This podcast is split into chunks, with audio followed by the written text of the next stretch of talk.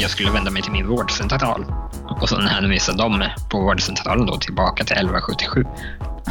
Vilket är väldigt spännande. Det är, alla är liksom hela vägen helt överens om att jag tillhör dem som ska testas. Men ingen vill ta på sig ansvaret för att boka testet. Så fort när man lägger sig och börjar oroa sig så kan man säga att det där har jag en schemalagd tid för imorgon bitti. Jag ska ta tag i det där då.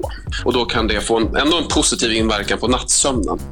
Vi kanske kan försöka ha, ha, portionera ut oron på, på vissa tider på dagen så att vi ändå kan liksom funka lite bättre, sova lite bättre.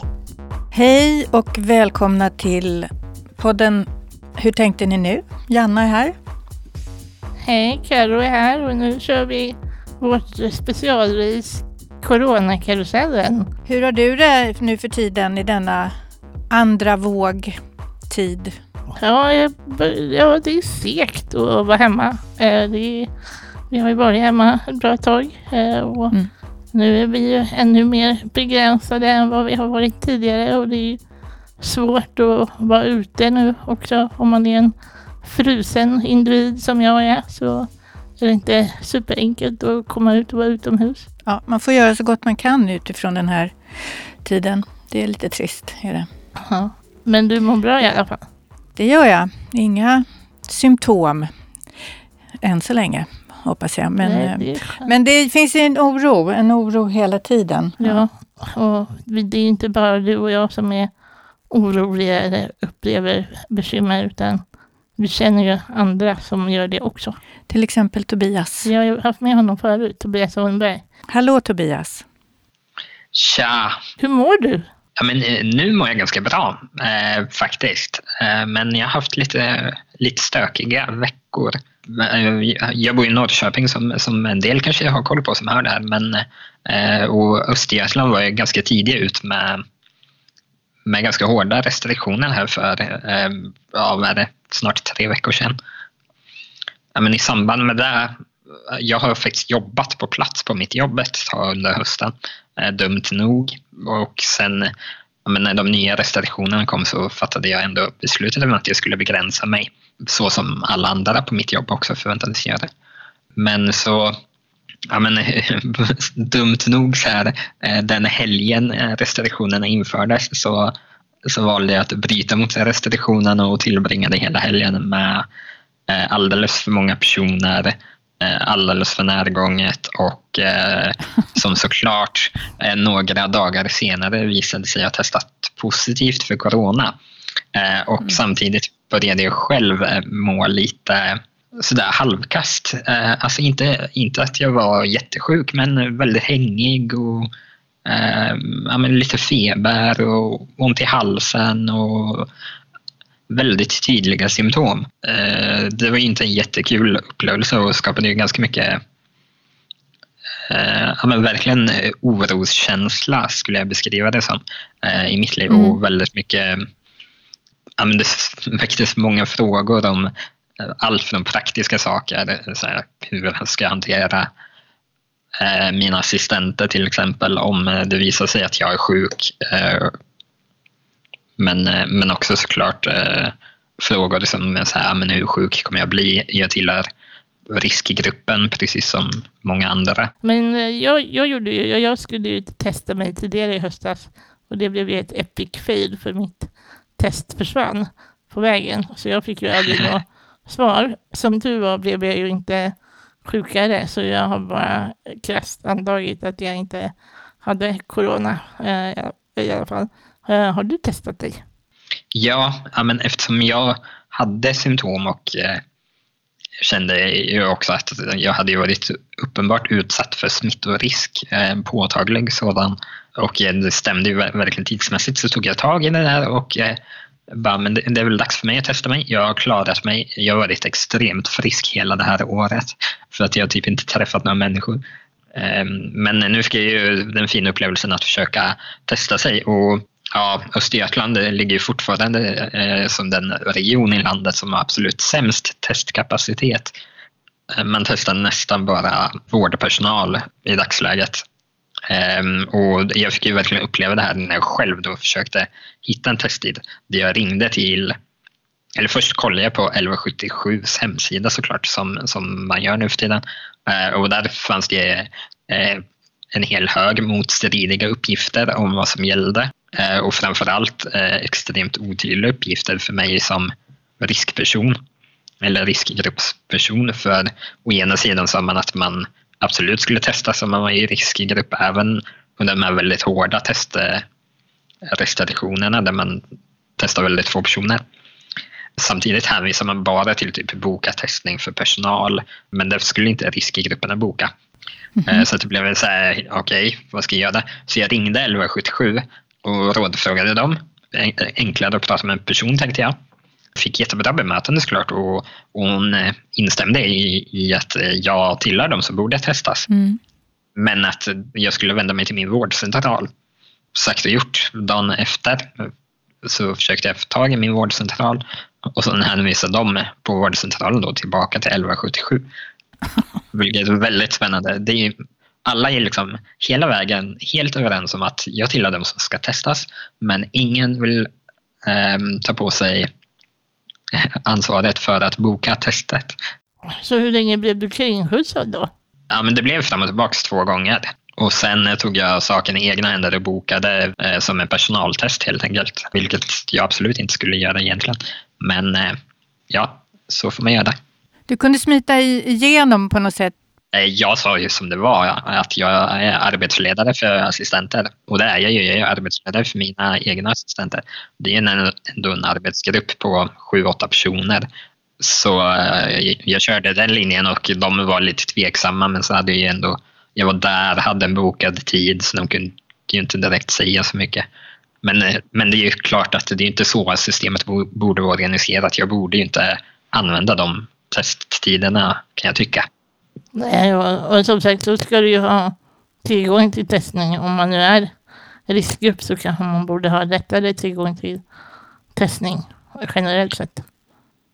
Ja, alltså jag satt i en period under de här dagarna som det tog att lyckas få till en testning eh, och var så här, men fan ska jag åka till något, någon annan region för att få en testtid eller liksom, hur ska det gå till? Eh, för jag, ja, men jag har förstått att det är lättare i ja, men en del andra regioner runt om i landet. Eh, men det är ju helt orimligt att det är så man ska hantera en pågående pandemi.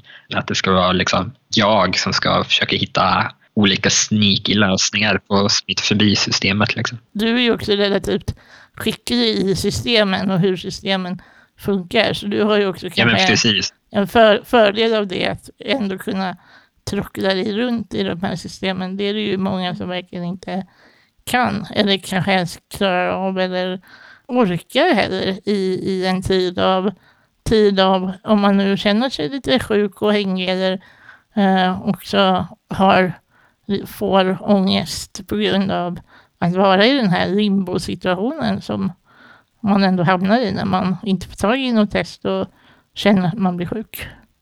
Hur länge fick du vänta sen då innan du fick veta något positivt eller negativt besked? Ja, men från att jag faktiskt hade tagit testet så tog det ungefär bara uh, 24 timmar till det. Men, men från att jag försökte boka en testtid tills att jag visste huruvida jag var frisk eller, eller frisk och frisk var jag uppenbart inte, men huruvida jag hade corona eller inte uh, så tog det väl uh, fyra, nästan fem dagar. Hinner du föra många orostankar i huvudet? Ja, men verkligen. Och ja, det var inte roliga dagar. Det var det inte.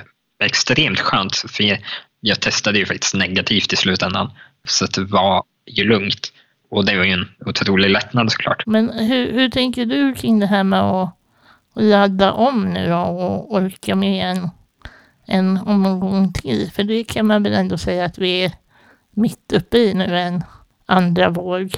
Hur, hur, hur håller du humöret uppe? Eller gör du det?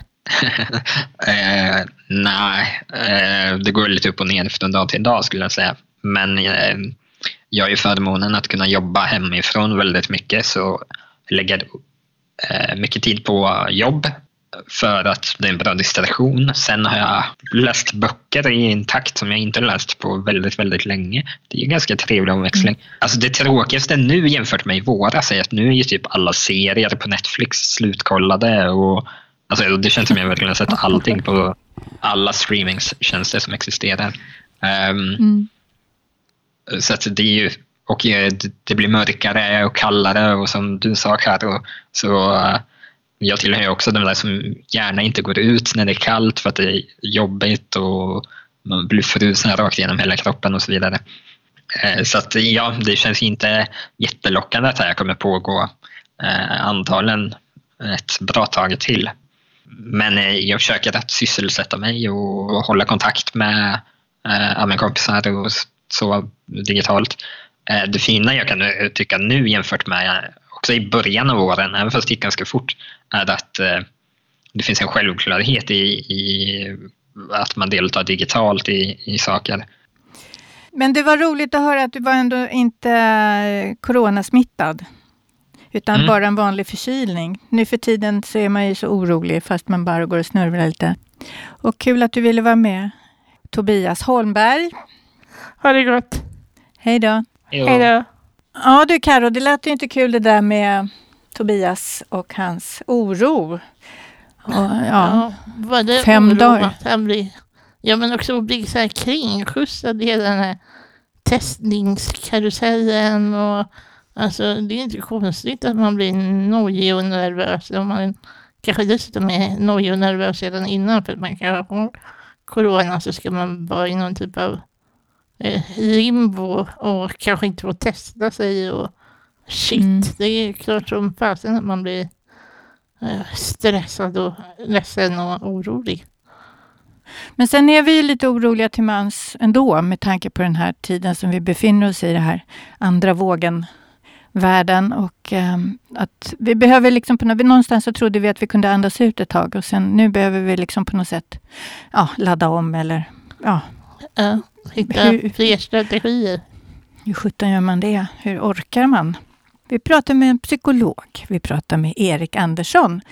Du är psykolog och forskare på Karolinska institutet. Det stämmer. Intressant. Och du har funderat en del på det här med oro och hur man kan möta den. Och... Precis. Så jag har, jag har jobbat ganska mycket med oro. Jag har träffat många patienter också som har varit besväras av, av mycket oro. Och nu, liksom från våren nu, så har jag jobbat väldigt mycket med det, man, det vi brukar kalla för ohjälpsam oro kopplad till eh, covid-19. Jaha, kan du utveckla vad ohjälpsam oro betyder? Ja, eh, vi har försökt liksom göra en distinktion här mellan hjälpsam oro och ohjälpsam oro. Så att det viktiga här är väl att komma ihåg att det är ingenting fel i att vara orolig kring covid-19. Det här är ju någonting väldigt farligt och som har ganska ödesdigra konsekvenser för oss. Både beträffande att bli smittad, men det kan också vara alltså, ekonomiska konsekvenser, att man kanske får sparken, sådana saker. För en del människor så blir den här oron så att säga ohjälpsam i den meningen att man lägger väldigt mycket tid på att oroa sig, men man kommer inte riktigt framåt och det kanske påverkar ens dagliga liv så man tappar lusten till att göra saker eller man får, man får svårt att sova på kvällarna till exempel. Och då brukar vi mm. kalla för att oron går över från att vara hjälpsam till ohjälpsam och det är det vi försöker hjälpa människor med. Tobias som vi pratade med tidigare, hans oro bestod ju väldigt mycket i att han blev skickad hit och dit. Han kunde inte få ta, göra ett test. Han var ju väldigt orolig att han hade fått eh, covid-19, blivit smittad av det. Eh, och blev skickad hit och dit och så. Eh, och det blev liksom ett slags limbo. Eh, så han, ja, fyra, fem dagar så gick han och bar på det här och inte visste. Och, eh, han tillhör ju också en riskgrupp, vilket gör mm. att man har kanske ännu större fog att vara en, lite nojig över att bli sjuk. För att det kan ju bli, förmodligen blir det så att man blir väldigt, väldigt sjuk om man nu skulle få corona också. Mm. Den kan ju inte egentligen ses som ohjälpsam. Nej, Eller? Jag, tänker, jag, jag, tänker så här att, så här, att vara orolig, det är väl någonting bra här. Alltså att vara orolig hjälper oss att ta till försiktighets, försiktig, försiktighetsåtgärder. Det hjälper oss också mm. att agera. Så om den här personen blir orolig att, tänk om jag faktiskt har fått covid-19 nu. Det är ganska viktigt mm. för mig att veta om, för då kan jag ta till liksom diverse säkert. Då ska man ju absolut inte gå till affären. Det ska jag ju inte göra om man har symptom heller. Men, men, men det, kan, det kan ju definitivt hjälpa den här personen att liksom, ta till försiktighetsåtgärder och kanske be anhöriga köpa mat och sådana saker eller ringa och kolla till honom eller något sånt där. Eh, mm. Så att jag tänker mig så här att det är inte nödvändigtvis ett, det är inte ett problem med oron i sig här. Men jag skulle säga så här, låt oss säga att den här personen hamnar i ett limbo, det tar fem dagar. För det kan vara så att den här personen går och oroar sig mest hela tiden under fem dagar men, men kommer inte fram till någon så effektiv problemlösningsstrategi. Mm. Alltså när vi människor går och oroar oss under väldigt lång tid då brukar det oftast bli så att vi blir sämre problemlösare. Mm. Och Då kan det finnas en, en idé att man mer sätter av en tid på dagen med så här, okej, okay, vad är mitt problem? Först definierar man problemet och sen börjar man spalta upp lösningar. Och Det kan också vara en bra idé att ta in någon man känner och bara bolla. så här, Hur ska jag agera på det här? Och man ut, liksom mer effektivt sätter upp olika strategier. Hur ska jag göra för att kunna lösa mitt problem. Om man mm. jobbar på det viset då, då, då, det liksom, då blir oron lite mer koncentrerad till en stund på dagen istället för att man går och små-oroar sig hela tiden. Så att säga. Så att det kanske mm. inte mm. spärrar över på, på nattsömnen till exempel. Utan så fort när man lägger sig och börjar oroa sig så kan man säga att det där har jag en schemalagd tid för imorgon bitti jag ska ta tag i det där då. Och Då kan det få en, ändå en positiv inverkan på nattsömnen. Mm. Så det handlar inte så mycket om att det är fel att oroa sig. Det är mer att så här, vi, vi, vi, liksom, vi, vi kanske kan försöka ha, ha, portionera ut oron på, på vissa tider på dagen så att vi ändå kan liksom funka lite bättre, sova lite bättre. Ja, det låter sig kanske lätt sägas. Det gäller att träna in det där då, tänker jag. Att uh, hitta sådana typer av strategier. Men framförallt att kanske då just ha till någon som kan hjälpa en att fokusera på, på det just nu man behöver ha lite disciplin här och verkligen så sätta av. Så här, mm. Nu ska jag testa att lösa mitt problem vid den här tidpunkten till exempel. Men sen är det ju hela den här, alltså det här mörkret som faller över oss och den andra vågen och oh, nu ska vi ladda om igen och hur ska man göra det? Och vi, och vi, Karo och jag vi har pratat lite grann om hur många gånger orkar man ladda om? Mm. Och hur många gånger ska vi ladda om innan vi någonstans kommer till insikten att det här kanske är vår vardag i framtiden. Det, det kanske är så här vi ska leva. Och, och det är väl en, en, eh, kanske en viktig insikt i att det som tidigare man hoppades på var tillfälligt kanske blir så här, okej, okay, eh, oavsett hur, hur bra det här vaccinet funkar och när det kommer ut så på ett plan så kanske man får också förhålla sig med en viss acceptans att så här kommer det nog vara kanske ett bra tag framöver. Eh, det kan ju hända mm. andra saker också i framtiden. Så jag, jag, jag tänker att det, det, finns en, det kan finnas en viss nytta av att man också förhåller sig med acceptans till det här. Och Då tänker jag mig att det, det, kan finnas en idé då att istället bara tänka på allting man inte kan göra så kan det finnas också en idé att börja försöka mejsla fram vad kan jag göra? Vad, alltså det, det, det, här kan låta lite glättigt nu då, men det, fin, det är ju faktiskt så att det, man kan också komma på nya strategier. Man kan komma på nya sätt att umgås med sina vänner till exempel än vad man har gjort tidigare. Om man tidigare alltid varit hemma hos kompisar och druckit vin, inte jag, framför mat på, äh, vid, vid tvn så kan man testa. Så nu kräver den här situationen att man umgås på ett annorlunda sätt. Det kan ge vissa möjligheter också, men det, då gäller det att liksom hamra in de här nya möjligheterna och verkligen testa nya sätt att vara med sina kompisar på till exempel. Det, det, är väl det som folk upplever som mest jobbigt, att man är liksom lite isolerad. Man får inte umgås med sina vänner till exempel.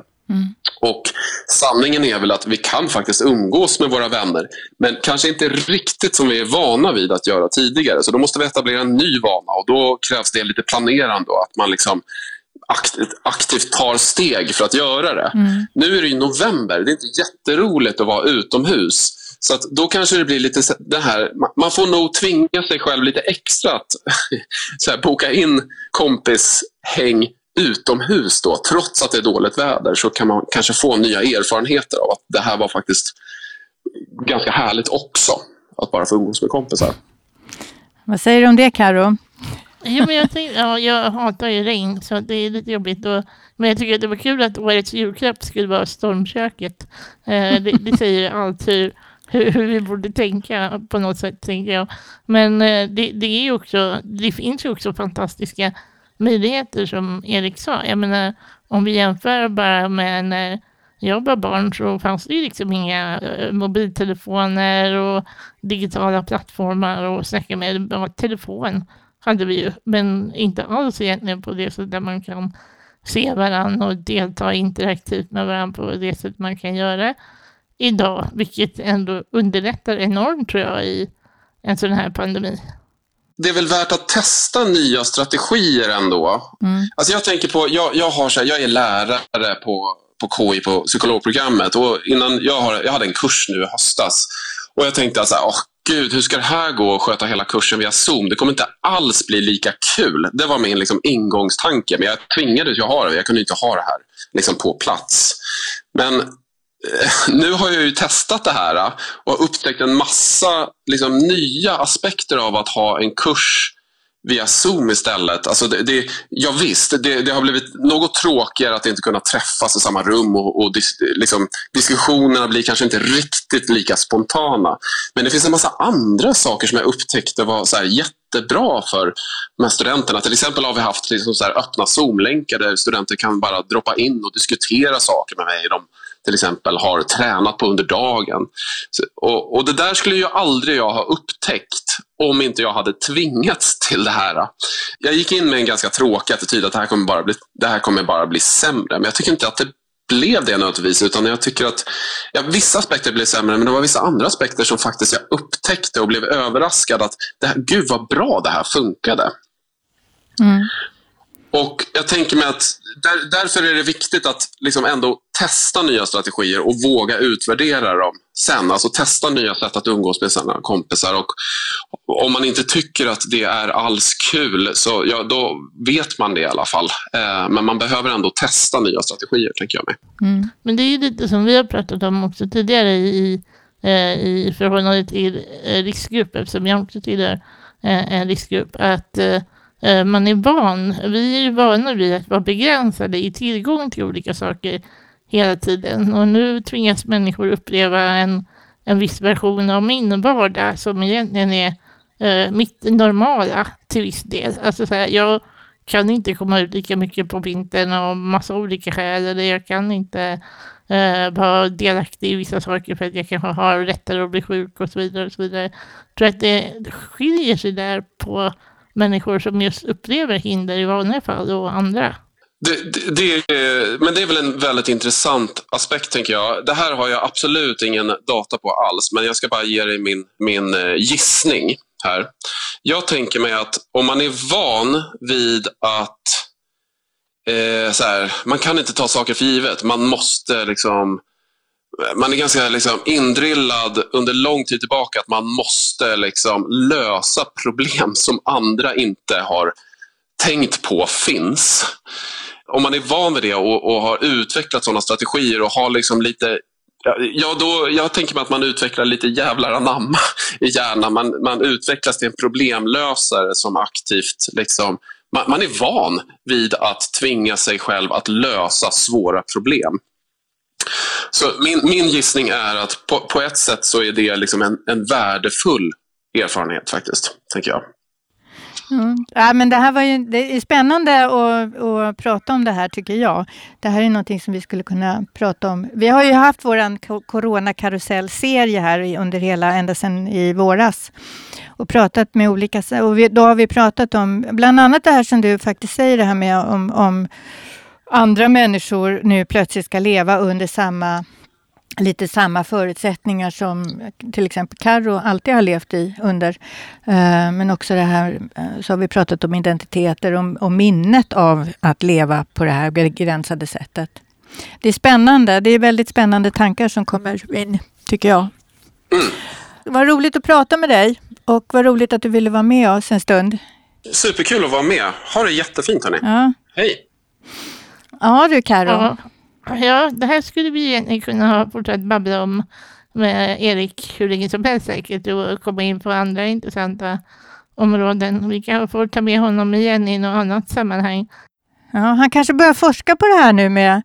Det kanske känns som att han skulle kunna börja forska på det här med hur man eh, under förutsättningar, under vilka förutsättningar man lever, hur man kan skapa, ta emot kriser och så. Ja, men jag tycker också att det är viktigt att ta med också, tror jag, som just den här äh, aspekten av att äh, det som vi upplever som negativt i alla andra sammanhang.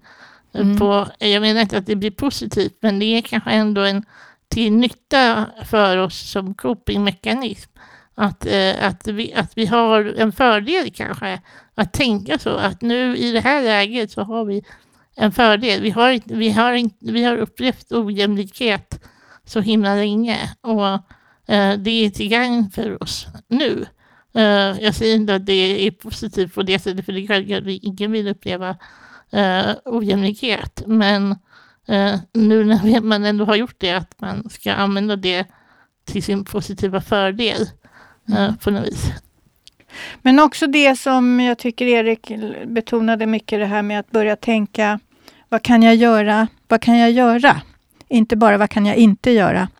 Eh, och att man liksom på något sätt hittar både nya strategier men andra sätt att eh, umgås både med sig själv eller med andra och andra. Precis.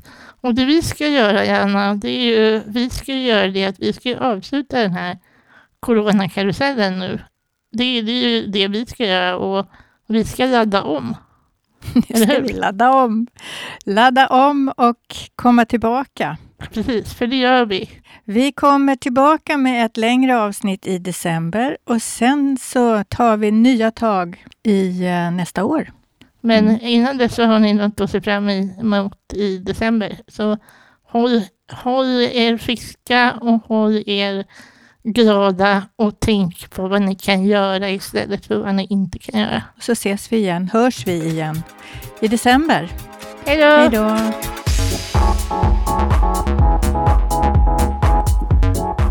Hur tänkte ni nu? är en podd från DHR. Ansvarig utgivare, Janna Olsson.